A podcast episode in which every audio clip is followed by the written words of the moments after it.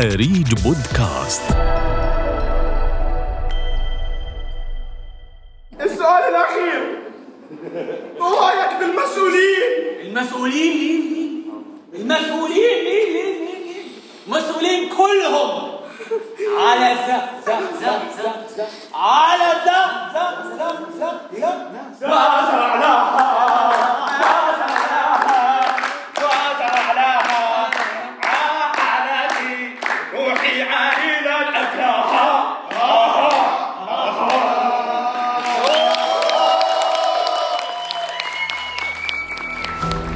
مسرح هو ابو الفنون يعني أحلى شعور بالحياة ممكن الإنسان يعيشه لما يكون بالمسرح تعد العروض المسرحية أول أنماط الإبداع التي عرفها الإنسان. بداية من معابد الفراعنة ومسارح الإغريق حتى عصرنا الحديث.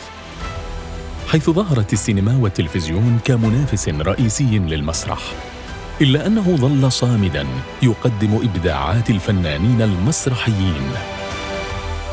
حتى أتت جائحة كورونا لتوقف الحياة، فتوقف معها أبو الفنون. حسيت إنه خلص ال- الأمل اللي كنت بنيه على الانطلاقه هاي وقف وراح معاه يعني إحنا يعنينا آه، الفنان آه، نفسه إحنا آه، كل قوانيننا وأنظمتنا تصب باتجاه الفنان وليس المؤسسات كدعم يعني. لم يجد المسرحيون سبيلا إلا التوجه صوب المنصات الإلكترونية لعرض أعمالهم. فكيف اثرت جائحة كورونا على العروض المسرحية؟ وهل سيظل المسرح صامدا في وجه العروض أونلاين؟ وكيف يرى الجمهور الفرق بين العرض المباشر في صالات المسارح والعرض عبر المنصات؟ مئة وات من أريج بودكاست. إعداد لينا أبو غزالة.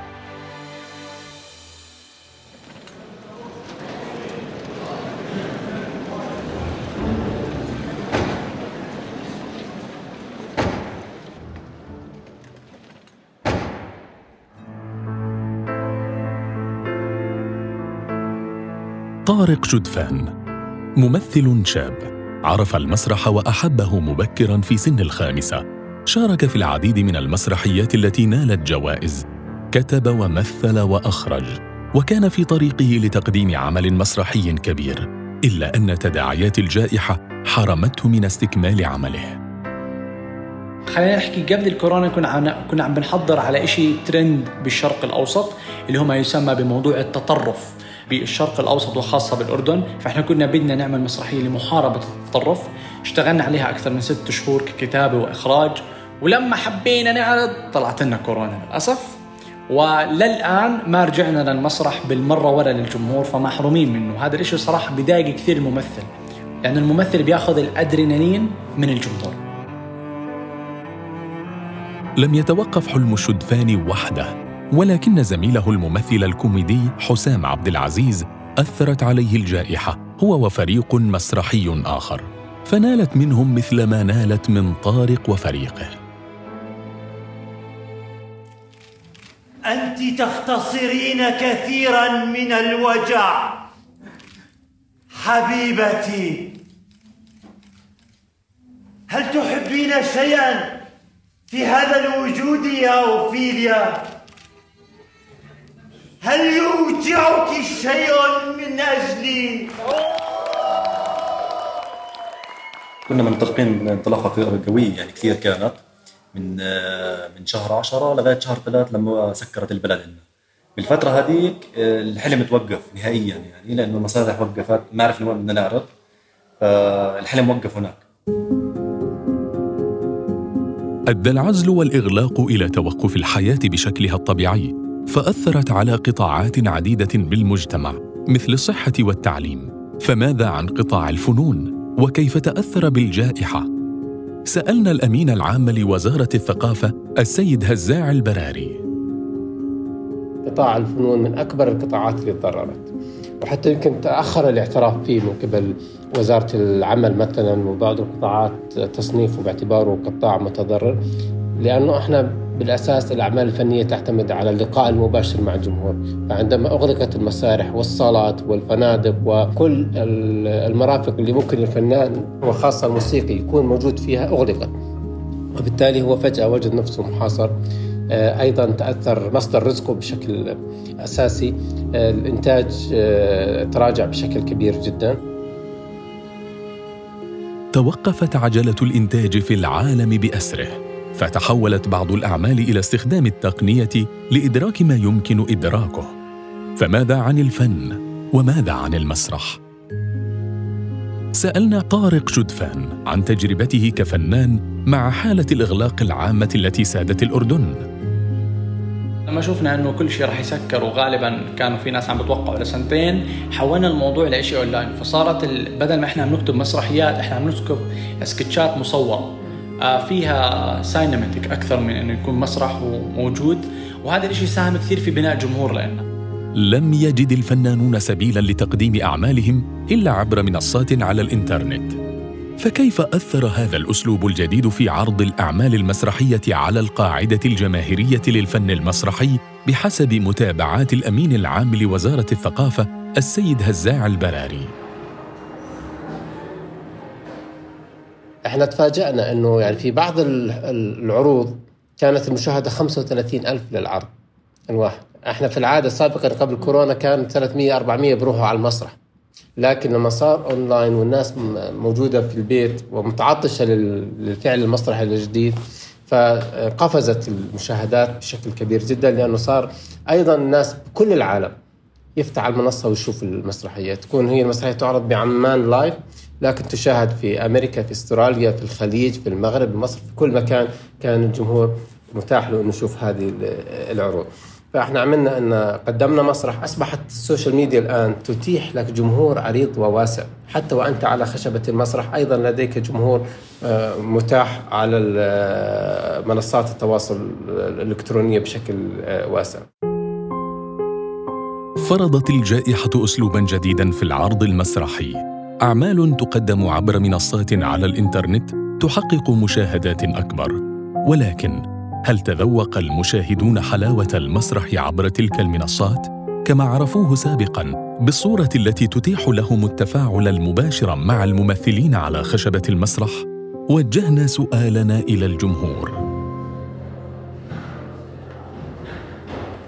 الأونلاين كثير بظلم التمثيل وقدرة البني آدم إنه يمثل على المسرح أحسن بكثير من قدام كاميرا أول كورونا حضرت آه، عرض Zoom آه، بس ما حبيته بالمرة فعشان هيك حكيت إنه خلص دائما لما كان في هيك عزموني على عرض مسرحي اونلاين بعدت عنه عشان ما ما حبيته. فأنا كثير كثير فرحت وكثير انبسطت لما حكوا إنه خلص العروض live راح يرجعوا.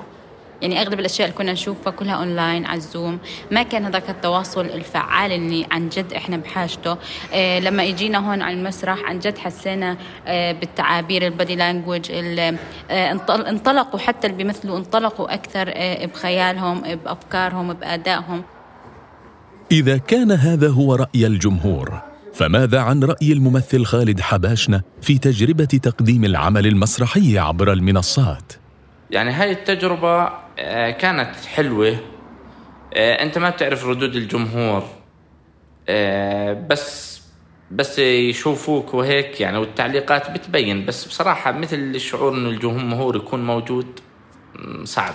يعني ما ما ما بحس حالي إنه أنا قاعد بمثل مسرح لما يتصور. بحس حالي إنه بصور سكتش أو إشي. افتقد الجمهور الممثل وافتقد الممثل الجمهور لكن حسام عبد العزيز ذهب أبعد من ذلك في فكرة التفاعل عبر المنصة برسم وجوه ضاحكة أو ابتسامات. المسرح أنت بتشوف النتيجة مباشرة قدامك نتيجة نجاحك يعني. بتشوفي إنه إذا ضحك اللي قبالك فأنت عارف إنك نجحتي. بينما على ال social media لما تشوفي ال like وال comment ما بتعرفي هو عن جد ضحك ولا لا. فبتصفي شوي ال connection مع الجمهور ما في يعني معدوم حيكون. لأنه ممكن يكون عامل like مجاملة ممكن إنه ما ضحك عن جد عليها.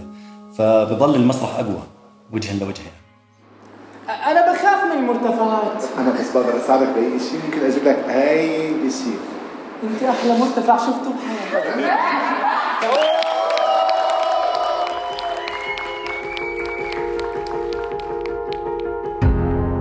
بالرغم من برودة التفاعل عبر الابتسامات والضحكات المرسومة الجافة العديمة الروح رأى طارق الشدفان بصيص نور في المنصات.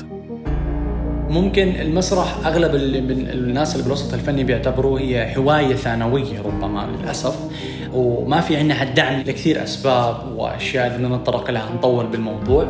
أعتقد لو إحنا مشينا بمجالنا ولو ما كان في كورونا already إحنا كنا راح نتجه غصبا عنا لل social media. ال social media عم تعطينا مساحتنا بتعطينا الدعم المادي اللي إحنا بدنا إياه وبنفس الوقت هي عم بتوصلنا. فال social media هي كانت أداتنا لأنه نوصل ومن خلاله بنكمل بالمسرح.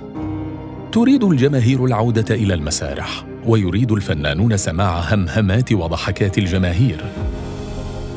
فما هي توقعات البراري بعد عودة الحياة إلى شكلها الطبيعي والسيطرة على الجائحة؟ أتوقع راح يكون إقبال كبير جدا. أتوقع راح يكون في جمهور أيضا جديد لأنه آه، المنصات الإلكترونية قدرت إنها تجلب جمهور كنا بعيد عنه. هذا الجمهور الآن هو ينتظر اللايف ينتظر إنه يكون حاضر مباشرة بال- بالمسرح. فأنا أتوقع المحفز إنك تعمل أعمال. هذه إنك تعمل أعمال وتنتجها بشكل جيد هذا أكبر محفز للجمهور إنه يجي لأنه الجمهور متعطش جدا جدا جدا إنه يكون. وإحنا في استفسارات كثيرة في اتصالات كثيرة بت- بتيجي. أحيانا بعض الفعاليات في جمهور يحاول يدخل أكثر من العدد المطلوب فلكن نضطر إحنا أن نغلق أبوابنا وهذا بشكل حرج حتى أحيانا. لكن آه، أنا بلاحظ إنه آه، الناس في انتظار- انتظار انفراجه حقيقية آه، الجمهور والفنان حتى يعني يلتقوا في عمل فني واحد.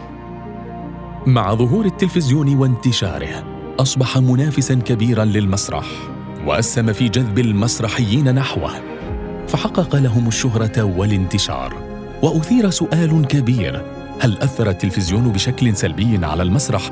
أم أنه أسهم في توفير عروض كانت ستختفي لولا تسجيلها بكاميرات التلفزيون؟ والآن مع تفشي كورونا ذهب بعض المسرحيين نحو المنصات ليعاد السؤال مرة أخرى ولكن بشكل مختلف. هل يرحل المسرحيون نحو المنصات؟ وهل ترحل جماهير المسارح نحو شاشات الهواتف؟ في الحالتين كان للمنافس فوائد مثلما كانت له أضرار ولكن المسرح لم يختفي وبقي مع منافسة التلفزيون وسيبقى مع منافسة المنصات.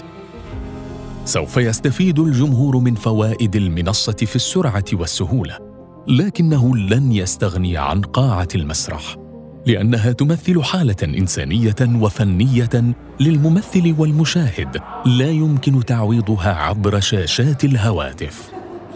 بلشت أنا أركض هارب منه على الدرج قطعت أول شاحط فلتت الحفاي طلعت وراي زي هيك. تذكرت سندريلا. طلعت على الساعة. هذا كان وقتي معكم. كان هذا مئة وط من آريج بودكاست.